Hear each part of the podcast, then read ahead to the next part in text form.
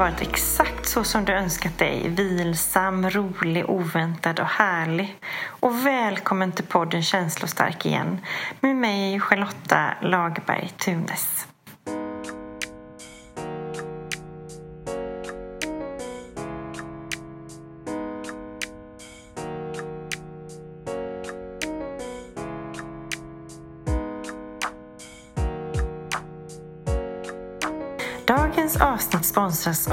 Smyckeföretaget ACT 925. Det är ett smyckeföretag vars vision är att skapa smycken både till vardags och till fest. Företaget ligger utanför Stenungsund nära havet och startade 2014. Smycken ska älskas och användas, säger smyckedesignern Ann-Charlotte Törn som designar med eh, stor glädje och passion och älskar framförallt skapandeprocessen, att se hantverket växa fram. Hon använder sina egna symboler och befintliga symboler som hjärtan och kvinnotecknet. Och vad kan passa bättre än att lotta ut en av hennes vackra fina hjärteringar och erbjuda ett vänskaps pris på två fina hjärteringar? Varför inte passa på att köpa en fin ring till sin allra bästa vän? Det är handsågade hjärtan som spridit sig längs vårt avlånga land och uppskattas väldigt, väldigt mycket. Och inspiration till de här vackra smyckena hämtar Ann-Charlotte från naturen. Det finns tunna ringar, kraftiga ringar, halsband och örhängen. Allt växer fram på arbetsbänken.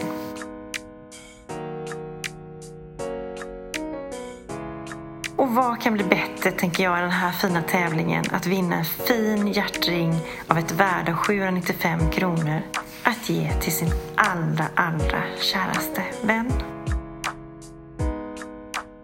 Nåväl, dagens avsnitt började så här innan inspelning. Men vill inte du vara med i min podd? Podd? Vadå podd? Jag har ju en podd. Har du en podd? Ja, men det var ju du som tjatade om att jag skulle skaffa mig en podd. Minns du inte det? Har jag sagt det? Ja, minns du inte? Men, men var har du den någonstans? Vem lyssnar på den då, eller? Ja, men nu har jag i alla fall en podd. Ska vi podda? Om vad då? Ja, vad tycker du? Äh, hur gör man då? Nej, man pratar bara autentiskt och lite anspråkslöst. Ska vi? Vi kan prata om vänskap. Ja, men det kan vi testa. Okej, vi testar. Vi kör.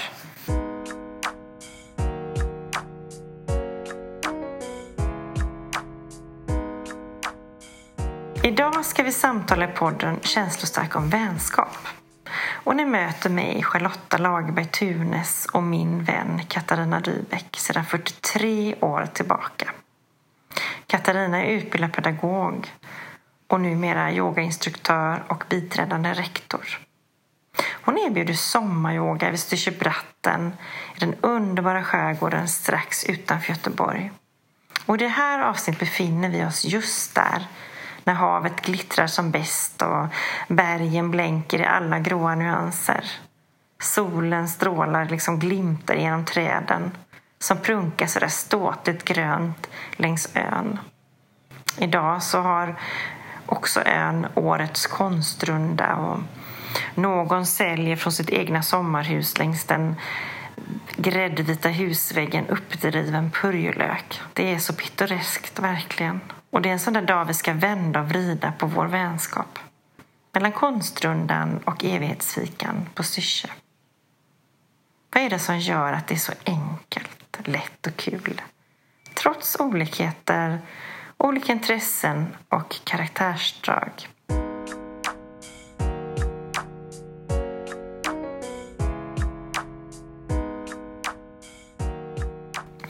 Vänskapen bär på olika roller som vi bär på. Det kan se så olika ut. En del vänskap får ju långa rötter, likt näckrosor. Bara formas och formas om och utvecklas gång på gång och bara fortsätter. Jag tänker på ett minne från en kvinna, en läsare till mina böcker som berättade om att hennes arbetsplats var som en öken och där kunde hon inte växa likt den näckros hon kände att hon var. För visst är det så att näckrosor behöver mycket vatten för att få näring och få de här långa rötterna och kan inte växa i en torr öken som är torr som fnöske. Så tänker jag lite kring vänskap och dess långa rötter och 43 år.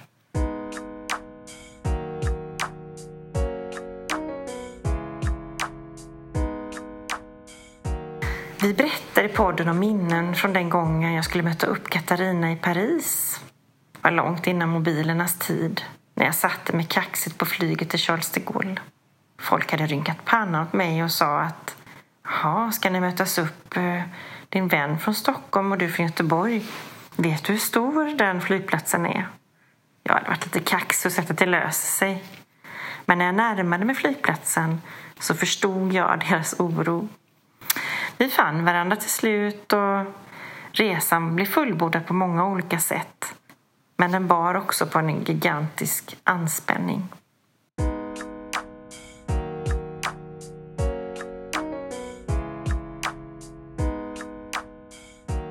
Och vi pratar om den högkänsliga, tänkande, kreativa Lotta och den sportiga, busiga, fartfyllda, orädda Katarina.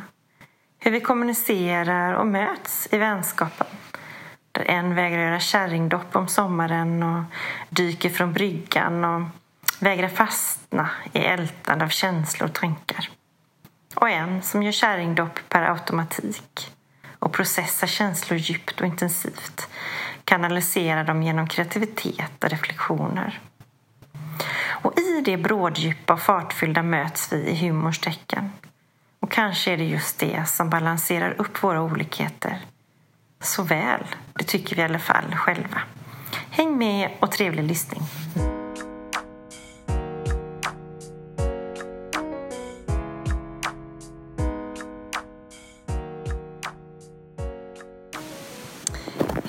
Välkomna till podden Känslostark med mig Charlotta Lagerberg Tunes. Du börjar skratta med en gång jag börjar. Idag ska vi prata om vänskap, jag och min äldsta barndomskompis Katarina. Och vi sitter här mitt i sommaren i juli på härliga underbara Styrsö utanför Göteborg.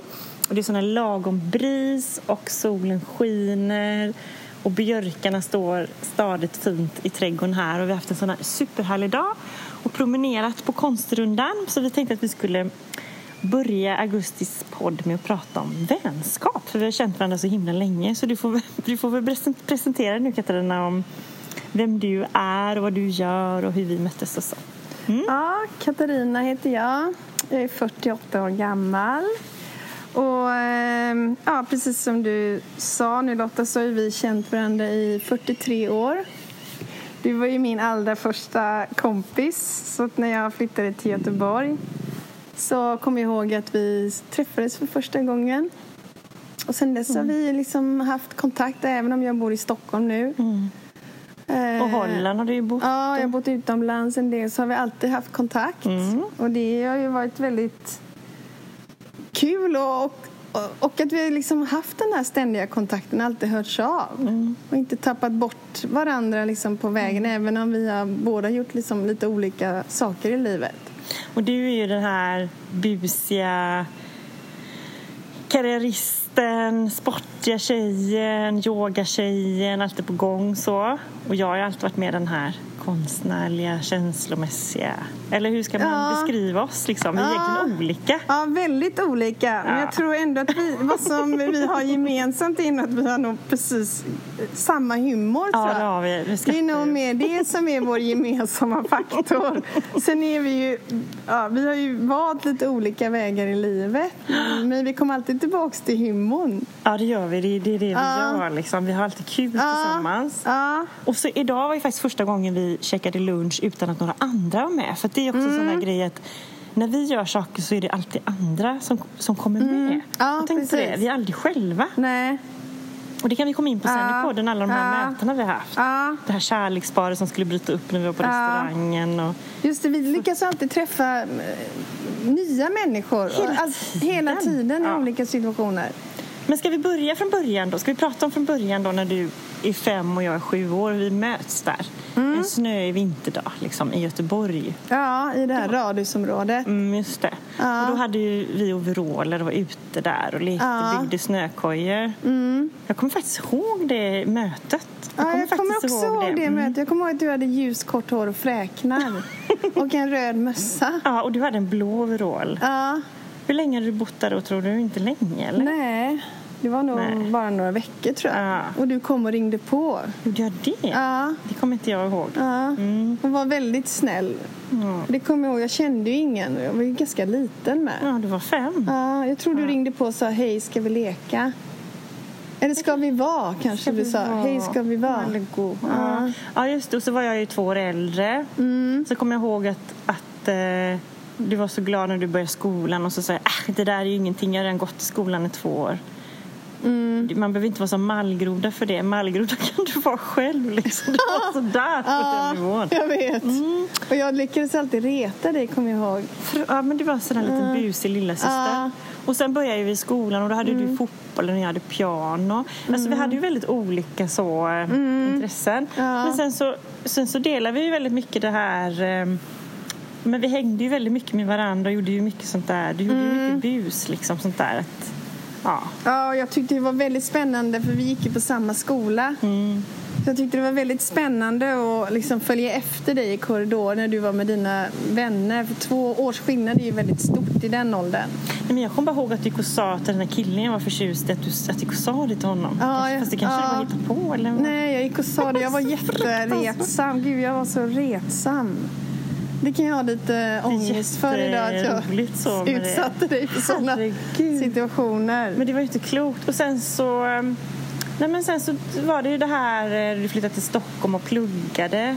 Så börjar ju det här ändå, alla de här roliga mötena och minnena. Mm. Jag vet att du bodde där i den här lägenheten, han som hade skriet i fönstret, kommer du ihåg det? Ja, just Edvard det. Ja, min första lägenhet på Ja. Mm. Östermalm. Jag hyrde i andra hand där på Riddargatan. Och så var vi alltid på sådana konstiga sjuka ställen. Alltså. En gång var vi på en karaokebar, kommer du ihåg det? ja, och så, jag vet. så sa du vi dricker bara Ramlösa så lägger vi, lägger vi karamellfärg. Eller, vi hade så färgad drink. Så hade vi ingen alkohol i. Nej, och jag så tror inte vi hade råd att köpa alkohol det kanske var det och så var det någon som sjöng Mary Carey där. Kommer du ihåg att de sjöng olika karaoke? Och vi skrattade så mycket och så var det så här rappande killar från förorten som stod och sjöng Bee och rappade och sådär. ja, det var väldigt roligt. galet. Vi hamnar mycket på sådana lite konstiga ställen. Mm. Och så var vi på den här restaurangen där vi satt, eh, jag har aldrig, kommer ihåg det? Vi, vi satt kvar efter de hade stängt. Ja, På, med Mia och Lotta på den här just det. Var det på Ocean på Kungsholmen? Nej, det var en grek och en turk. Ja, en halv grek plus turk. Ja. Just det. Ja, där var vi ja. Det var helt galet. Ja. Mm. Mycket roliga grejer sådär. Ja, men sen så sen har vi varit på den här otroliga roliga resan. Som vi gjorde. För då var det ju lite så att du pluggade ju där och jag pluggade i Göteborg. Mm. Och då gjorde du massa såna konstiga grejer när vi satt och pluggade. För du pluggade i Göteborg också. Och då ska vi berätta ett, ett ganska roligt minne därifrån då.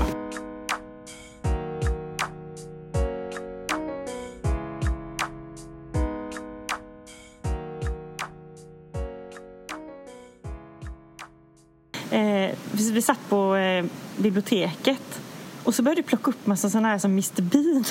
massa prydnadsgrejer. Ja, från mitt pennskrin. Som en snigel och helt märkliga grejer. Ja. Och så satt massa såna handelsstudenter där präktiga i blus och så började du plocka upp dem. Och jag kunde inte hålla mig för skratt så jag började skratta. För det är det som är att vi alltid haft det här otroliga skrattet som vi inte liksom... ehm, Ja, nära till skratt. Ja, och jag, blir, jag är mycket mer neurotisk så att jag blir väldigt stressad av det här när du... Jag tror man känner av det om man har en lång vänskap så känner man ju av det här att eh, man vet liksom vilka, vilka eh, liksom, Triggerpunkter. triggerpunkter man har. Så att vi, vi bestämde på ganska kort varsel att vi skulle åka till eh, Paris. Jag kommer ihåg det. Vi skulle åka till Paris. Och detta var ju då precis i millenniumskiftet då, så man kunde se Eiffeltornet när de började räkna ner dagarna sådär. Så det var ju liksom precis på hösten där. Och då skulle vi bo eh, i någon studentlägenhet. Och då visste jag att du hade haft, att var jättekänslig för mögel och fukt och så att du hade haft en sån här, att du svullnade upp en gång när du var liten. Och då hamnade vi ju i det här hemska boendet. Det var ju svartmögel på den toaletten. Alltså det var ju den vidrigaste toaletten jag någonsin har sett. Just kommer du det. ihåg hur Ja, jag kommer det ihåg det. Ja. Och då hade ju du som sport på den här resan då, i och med att du pratar franska och jag pratar tyska så kunde jag ju ingen franska.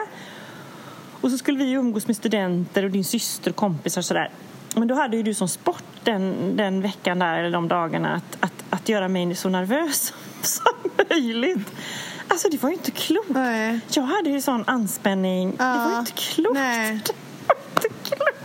Eh, ja, och det, ja, det var så kul att göra det här. Vad gjorde vi? Vi plankade på tunnelbanan. Nej, men alltså, det började med att vi skulle åka då till det här museet. Heter det Le Louvre? Ja, Louvren. Louvren, Ja. vad säger man på franska? Le Louvre? Le Louvre, Le Louvre jag. Mm. ja. Och då var det så här, tre mils kö in. Ja. Alltså jag skojar inte, det var ju så lång kö sant. Och då sa ju du så här, för grejen är att du har alltid kunnat spela på att du är kort, att du liksom ser yngre ut, att du liksom går in på, du har alltid kunnat glida förbi det på något sätt. Och då säger du till mig, men vi, vi ska inte, vi måste planka in här liksom. Och jag, jag vet faktiskt inte hur vi, jag var så, jag var så fruktansvärt nervös. Jag var så fruktansvärt stressad. Ja, för du har ju också alltid velat göra rätt för dig, Ja, vilket så- man ska göra. Och jag förstår inte vad jag har fått för gener, för jag ville bara planka in där och så skulle jag dra med dig i det här.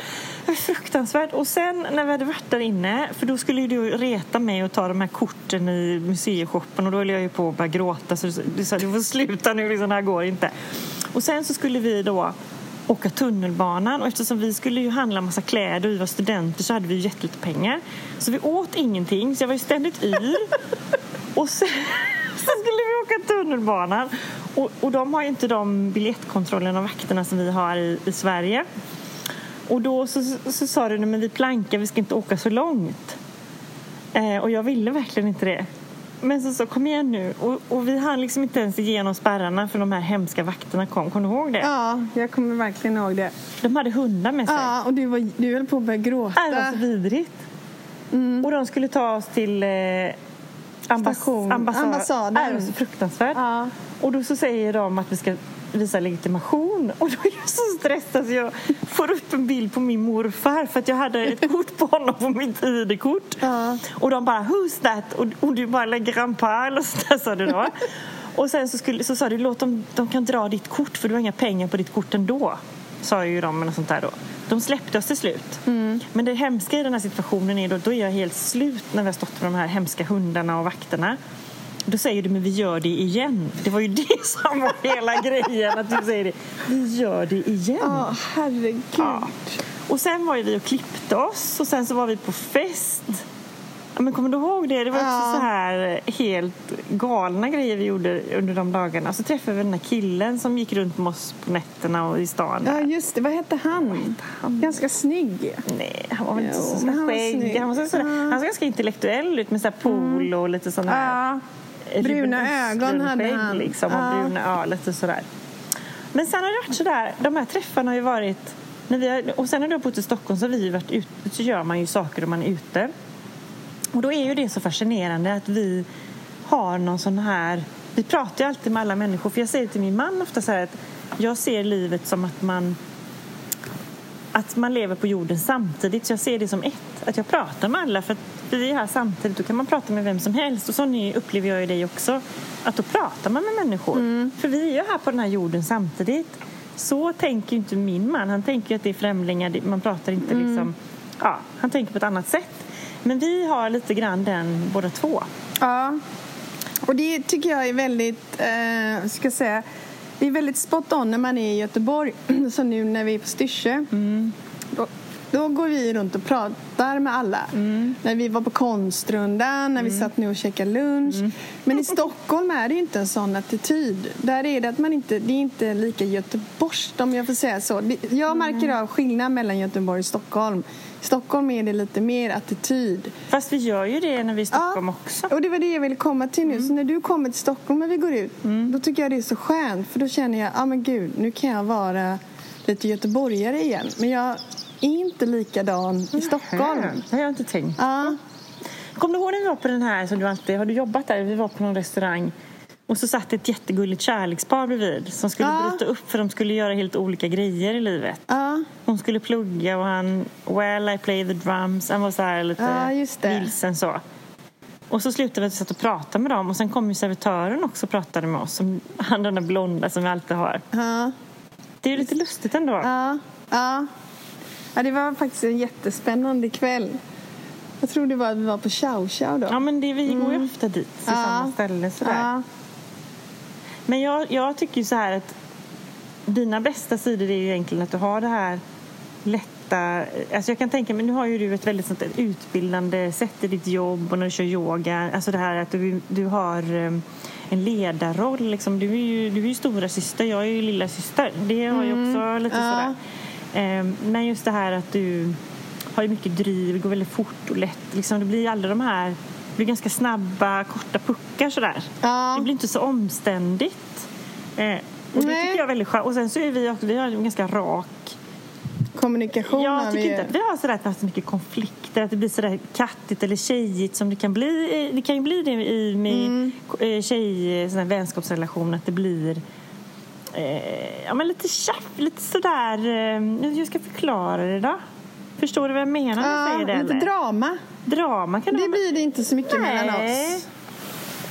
Nej, jag tycker inte det. Det är ganska rakt. Och sen såklart, nu träffas vi inte lika mycket. Men jag tänker, det har ändå alltid varit, när jag har bott i Göteborg i de omgångarna, att det har varit ganska sådär ganska så lätt och ganska så ofta att vi är ganska många. Jag upplevde även det när vi pluggade, att jag var med dina studentkompisar och men att du kände mina. Alltså att det aldrig varit det där alltid bara du och jag så. Har jag inte upplevt liksom. Nej. Men att det alltid har funkat väldigt bra. Att det, Mm. Vi har, vi har haft en väldigt rak kommunikation. Mm. Och det tror inte jag jag har haft så mycket med mina andra vänner. Det kanske är för att man känner att man är liten. Det Ja. kanske är det att man inte behöver... Och det är väl det som är, kan jag tycka, lite med vänskap. Att man... Eh, om man tänker sig en, ens partner i en relation. Där får, I alla fall i mitt fall, där kan man, får jag nästan ibland, ska säga, anpassa mig lite för att man är lite olika. Och, men vi har någon slags gemenskap i en vänskapsrelation tycker jag att man eh, jag kan känna mig mer avslappnad för jag vet att vi ses här och nu och Ja, jag fattar vad förstår du vad jag menar? Att det Mm. blir mer, man tar hand om det på något annat sätt. Men kommer du ihåg det när vi dansade för sig, våra barn där, när vi gjorde den här dansen här? Ja, Det gjorde vi ju en sommar. Ja. ABBA där vi dansade spontant. Det kan man inte göra med vem som helst. Så där Nej. hade inte ens övat in det. Utan det, så sa ju min dotter att har ni inte, hade ni inte övat in det liksom? Utan det var Ja. ganska lustigt också att det, det flöt ju som att man hade gjort det hundra gånger förut. Mm. Ja. Så, liksom. ja, Nej, men jag, tycker, jag, jag tror nog faktiskt att det, om jag skulle liksom sammanfatta vår vänskap så, så, så är det nog väldigt mycket aktivitet och kul. Alltså det är inte så mycket... Eh, nej men, och då menar jag även det här när alltså vi har varit ute och sprungit eller man kanske går ut och går, att man gör saker. Den är ju egentligen inte så passiv. Alltså vi, sitter inte, vi kan sitta och prata också i timmar och mycket och sådär också vända och vrida. Men den är ganska så aktiv. Ja. Det kanske är för att du är mer en sån person än vad jag är egentligen. ja. Jag är lite mer sådär terapisoffan och ja. Och jag kanske mer drar dig lite Ja, så. det tror jag. Eh, Och fastnar kanske inte Nej. lika mycket Nej. i känslor. Absolut så. inte. Absolut Nej. inte. Och det kanske, då blir det lite att vi kompletterar Ja, jag tror faktiskt det. Varandra. Ja, så att det blir lite lagom med det. Ja. För jag som högkänslig då, jag vill ju inte gärna umgås med andra högkänslor så bara. Nej. Jag är ganska många som inte är det. För, att, för jag kan känna att det blir, det kan bli en över... ehm, Alltså det är bra att man har de här olikheterna sådär. Faktiskt. Det tycker Mm. Ja. jag är jätteviktigt så. Men, och sen så tycker jag också att... ehm, Och sen måste jag ju inflika, Mm. Ja. jag tycker det är lunch som nu när vi satt och åt en långlunch så länge. Mm. Så tycker jag ju att det är, du är ju den enda vän jag har där jag kan vara fullständigt ärlig med att säga Mm. vad jag liksom känner eller om jag har problem. Och det är någon, för jag vet att du dömer inte. Nej, det och det, sagt. ja, men Ja, det är alltså, det är sagt. inte ofta man har såna, såna vänner där man känner att jag kan slappna av, att våga säga. Fast det är väl ömsesidigt för du dömer väl inte heller? Nej, nej, jag gör inte heller det. Men Skulle det vara den här i sådana fall? Liksom? din klänning? Nej, mina valkar. men det är så, det är så sportigt. Det Nej. så. Du är så vältränad. Nej, så. absolut Så det är alltid så här, när jag umgås mycket med dig så får jag så här bra energi och kan ut och springa. Och, nej men jag, det blir väldigt mycket aktivitet som sagt var. Jag gillar ju det. Mm. Alltså, jag kommer aldrig glömma när du tvingade mig springa runt Djurgården när vi var jättetrötta, varit ute hela kvällen. Jag var så trött. Och nu när jag gick där sist då var jag så här, kom jag på det. Mm. Ta vattenflaskan sa du bara, det bara kämpa på liksom. Sådär. Eller hur? Ja. Mm. Ja. Men det var väldigt fint sagt. Jag ska ta till mig det för det gillar jag. Det tycker jag ändå är en jätteviktig grej. Och det är väldigt skönt, apropå det här med 43 år, att ha den, att man, även om man inte ses varje dag eller ringer så ofta, så, så vet man det om det skulle knipa. Så har man ändå det esset i rockarmen. Liksom. Mm. Att då vet jag det. Du är en sån, Mm. jag skulle kunna ringa dig mitt på natten. Du är den enda mina vänner jag vet. Va? Faktiskt. Ja, Jag har kanske två till, men jag Mm. vet, du är framförallt nummer ett. Jag skulle kunna ringa när som helst. Ja, och jag vet bra. att du skulle ställa upp. Vad bra.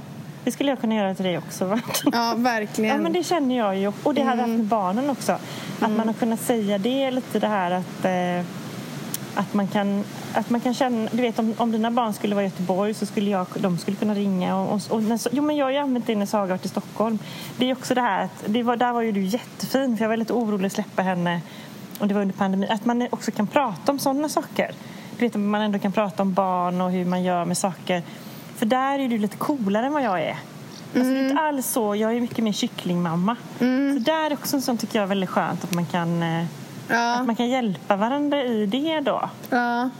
Men jag tror, jag tror, ehm, men jag har inget bra sådär svar på hur man kan hålla det. För, för ofta, så, ofta har man inte så lång vänskap. Jag har några sådana men inte så många. Har kanske en till. Det är väl Caroline. Men, men just det här att man för det känns ju inte tråkigt. Jag känner ju inte sådär att oh, men gud, nu ska vi, nu blir det samma igen eller ja, vad ska vi prata om? Det blir ju aldrig så.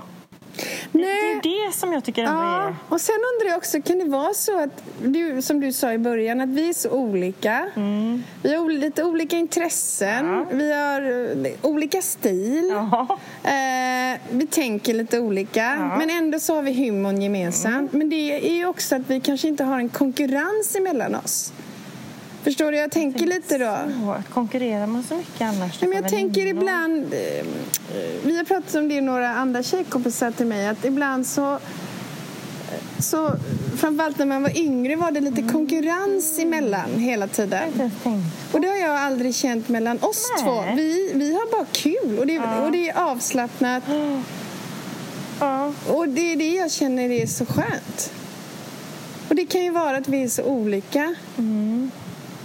Men måste ha, har du ingenting som du stör dig på? Du måste ju ha något som du stör dig på på mig. Alltså, man, Ja, men det är ju att du är, kanske analyserar lite för mycket. Och jag är lite...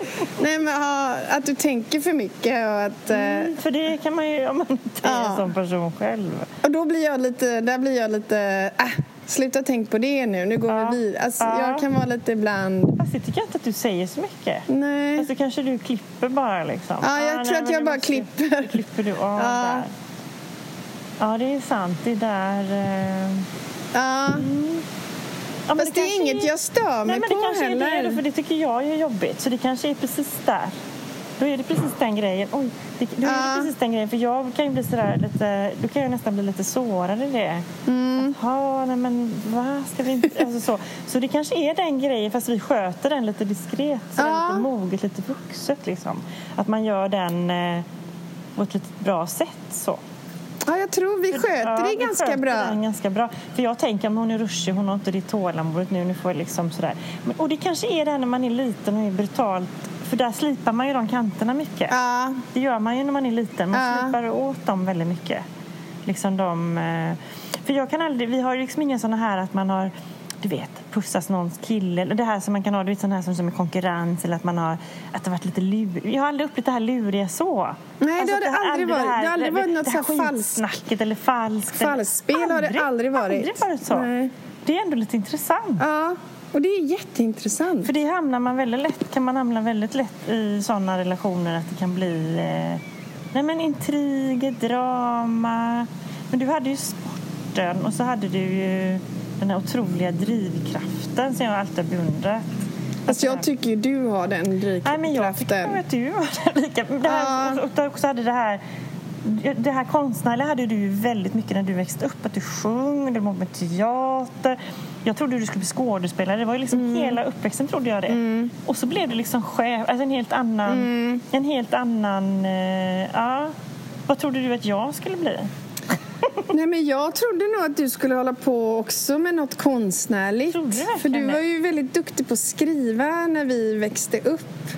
Du skrev ju mycket och sen hade du otroligt fin handstil. Det hade jag, det har jag inte Så längre. du tyckte ju väldigt mycket om att skriva. Du hade, ju- alltså jag har aldrig sett så fin handstil.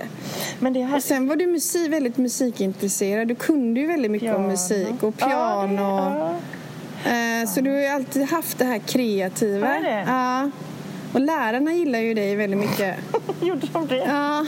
Nej, det tror jag inte att de gjorde. Men det tror jag Jo, inte. men du hade många språklärarna vet jag tyckte ju om dig väldigt mycket. Gjorde de? Ja.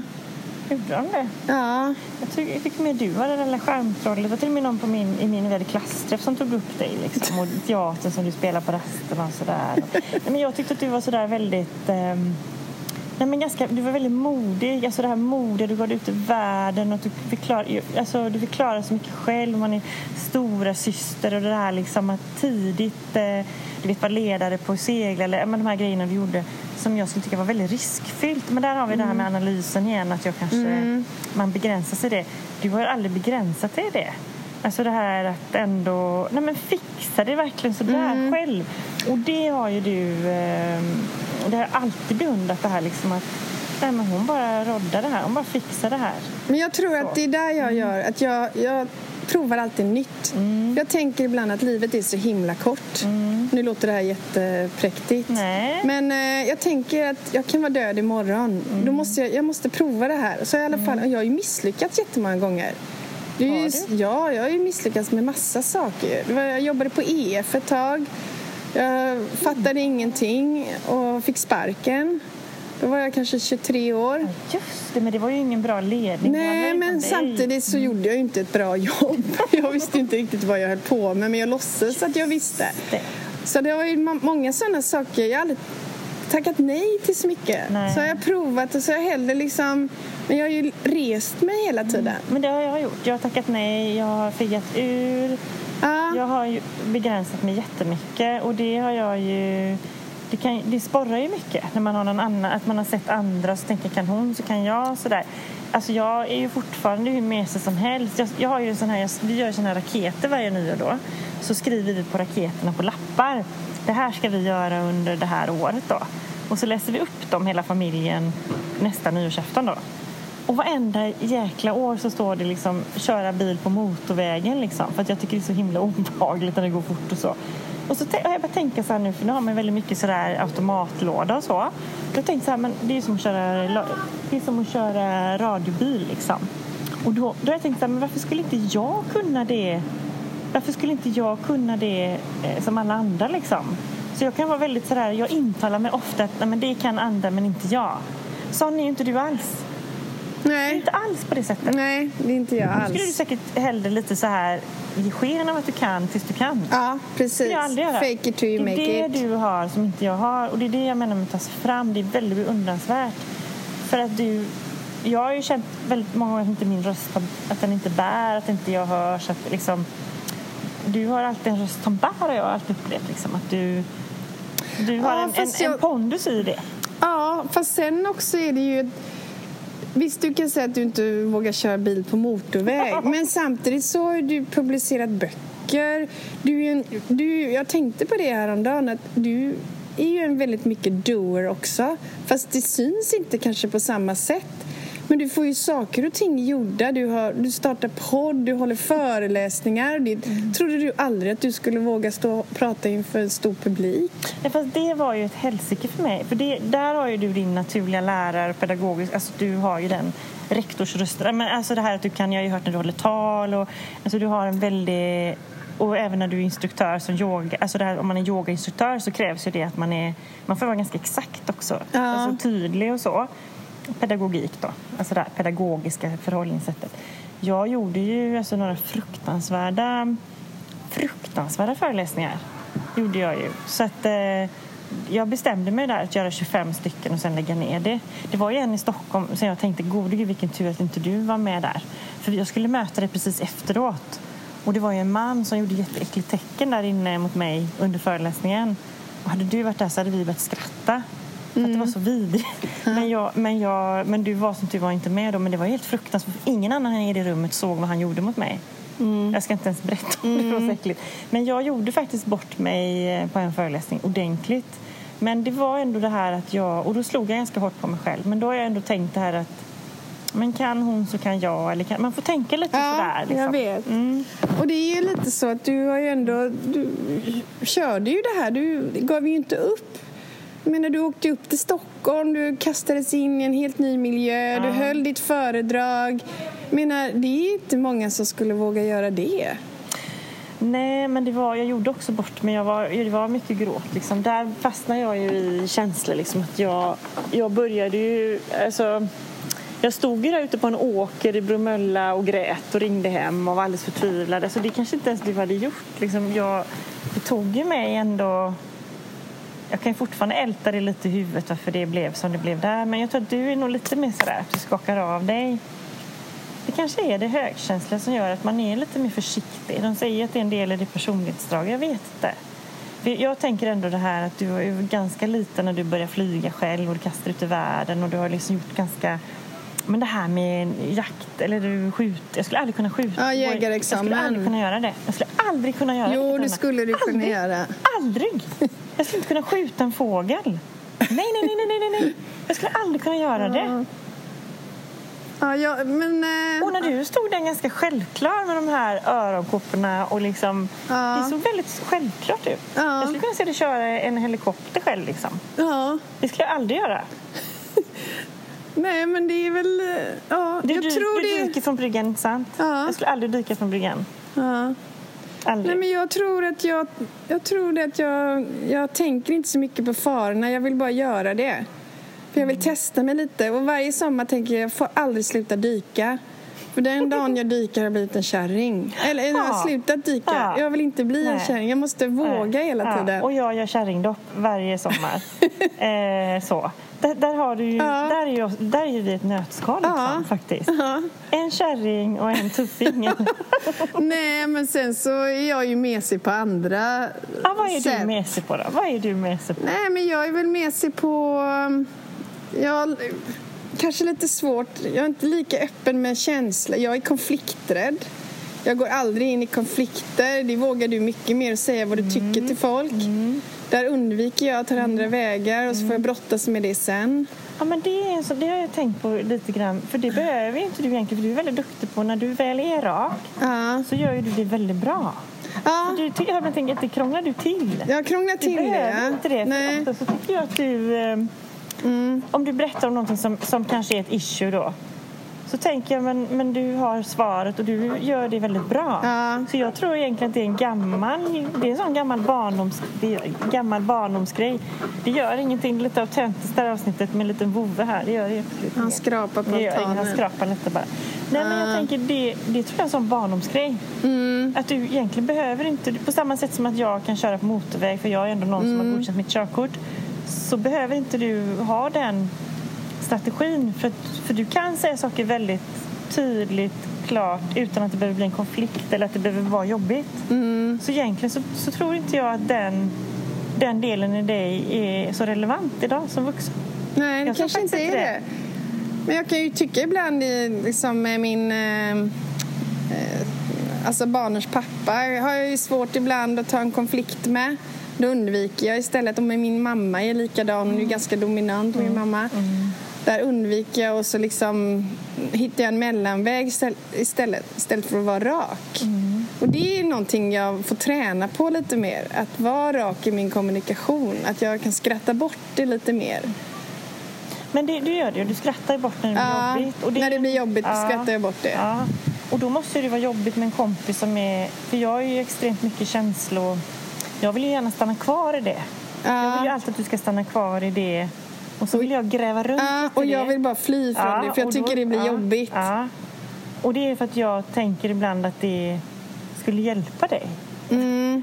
och det gör det säkert. För jag är typiskt en sån där som flyr bort från känslorna. Mm. Fast yogan gör ju lite att jag stannar upp. Det var väl mm. därför jag drogs till yoga mm. mycket. För att jag var en sån som alltid flydde från mm. mina känslor. Mm. Och det är också jobbigt när man känner varandra så himla väl. För jag, då vet man ju precis vad man ska trycka för knapp. Alltså sådär. För att då ser man ju det så tydligt och då... Jag kommer ihåg, någon, vi har ju skrattat åt det många gånger för jag har ju så lätt tårar. Och så var det någon gång jag skulle berätta någonting för dig och så började jag prata om törnfåglarna, kommer du ihåg det? Och så började jag gråta så här. Och så var ju Maggie där och hennes mamma och det blev så jobbigt. Men kommer du ihåg det? Kom, ja, det kommer jag ihåg. Ja, men så blir det alltid, jag är så lättrörd. Så, ja. Men ska du börja gråta nu? Liksom så här. Men jag, det är ju så att jag har ju alltid den här... Eh, jag har så lätt för det att smittas i det. Mm. Men jag, det tänker jag att...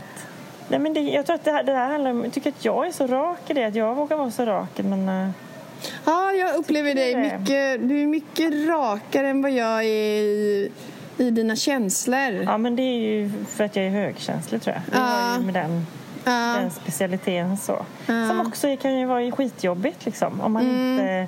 Mm. Jag kan tänka mig det att, att ehm, för, för, så här är det, är man högkänslig som också känsloätare och det är det du stör dig på.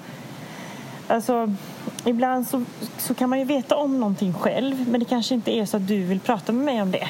Nej. Och då vill man inte ha någon som känsloätare, alltså att jag gräver mig in i det. Mm. Eh, utan du vet, men det, du kanske inte vill prata om det här och nu. Mm. Då kan det vara jobbigt att ha en, en sån som jag då som, som vill vara läsningsfokuserad, som vill in och gräva och rota. Om man inte är upplevd för det.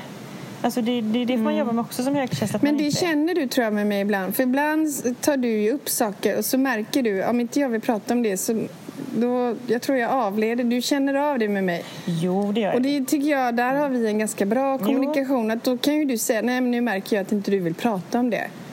Ja. Och då kan jag säga nej, inte just nu. Nej. Och sen nej, så nej. skrattar vi åt ja. någonting. Och det är det som är så skönt. Ja. Istället, du är ju inte sån där som bara, ja ah, men nu måste du prata om det. Nej, nej, nej. Berätta nu, och hur kändes? Det och det och det tycker jag är så skönt med dig, för även om du är högkänslig mm. och jag tycker ibland att gud vad hon är känslig sådär.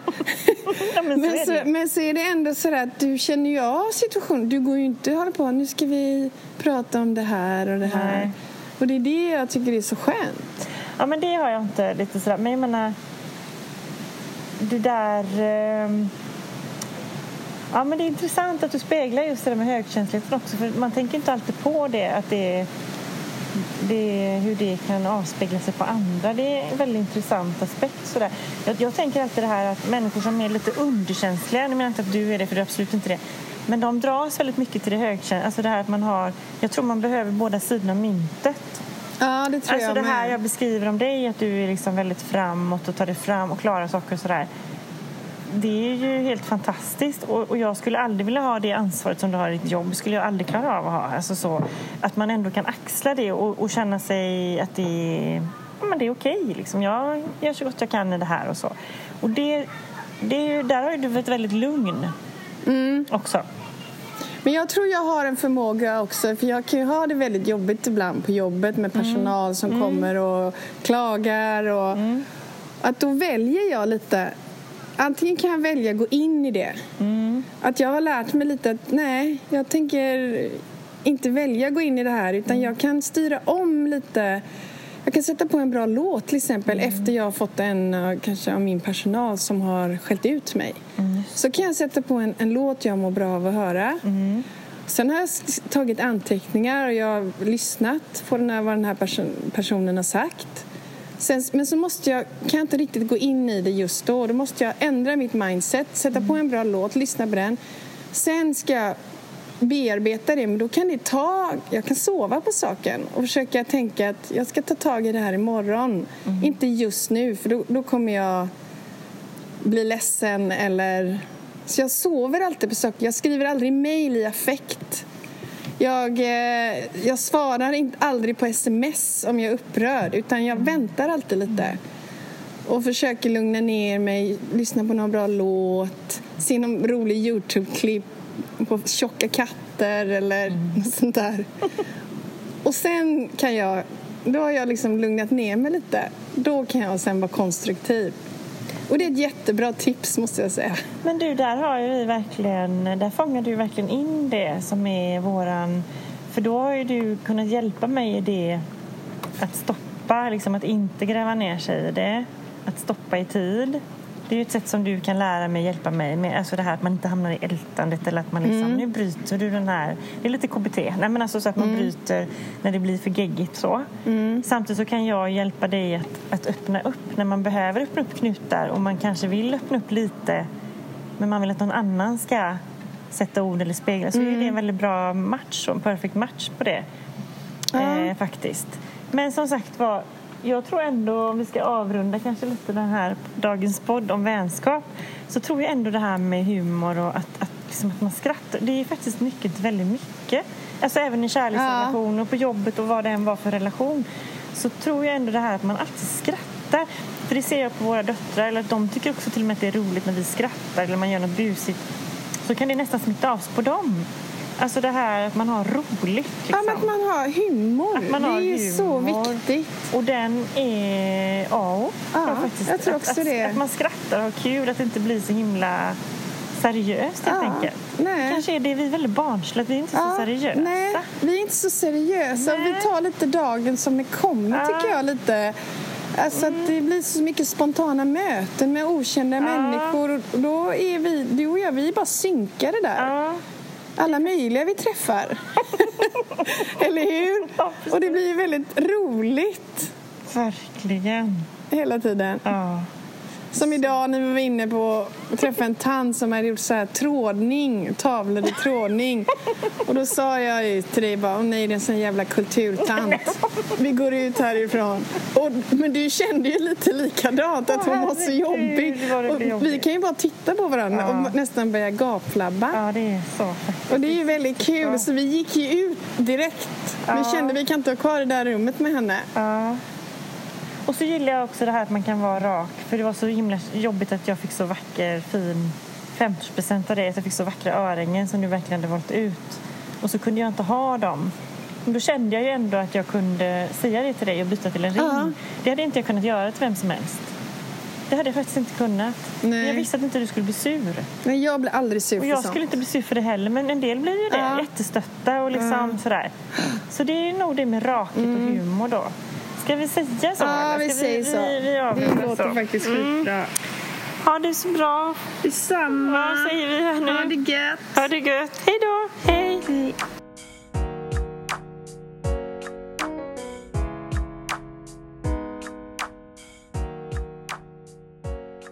Tack för att du lyssnar på podden Känslostark med mig Charlotta Lagerberg Tunes. Program för augusti månad finner ni på min hemsida www.charlottalagbergtunes.se. Där finner ni också mina böcker. Under augusti månad så är jag den 20 augusti i Helsingborg vid yogastudion Yoga och återhämtning. Där ingår fika och boken Orkidébarnet och föreläsningen om orkidébarnet. Den 23 augusti befinner jag mig i Kungälv utanför Göteborg i Medborgarskolans regi. Där anmäler man sig genom Medborgarskolan. Då talar jag om fjärilströmmar mellan 18 och 20.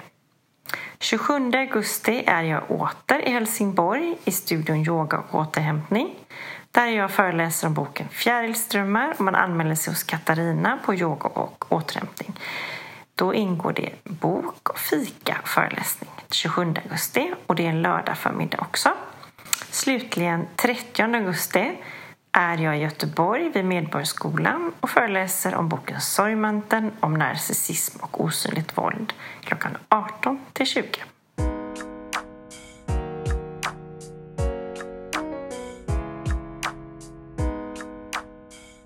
Följ jättegärna med på Instagram, Charlotta Lagerberg, där också tävlingen kommer finnas på den fina vänskapsringen. Och hemsidan www.artbyclt.se finner ni min nya kollektion som jag har skapat för hösten eh, med kuddar, skärbrädor, brickor med mera.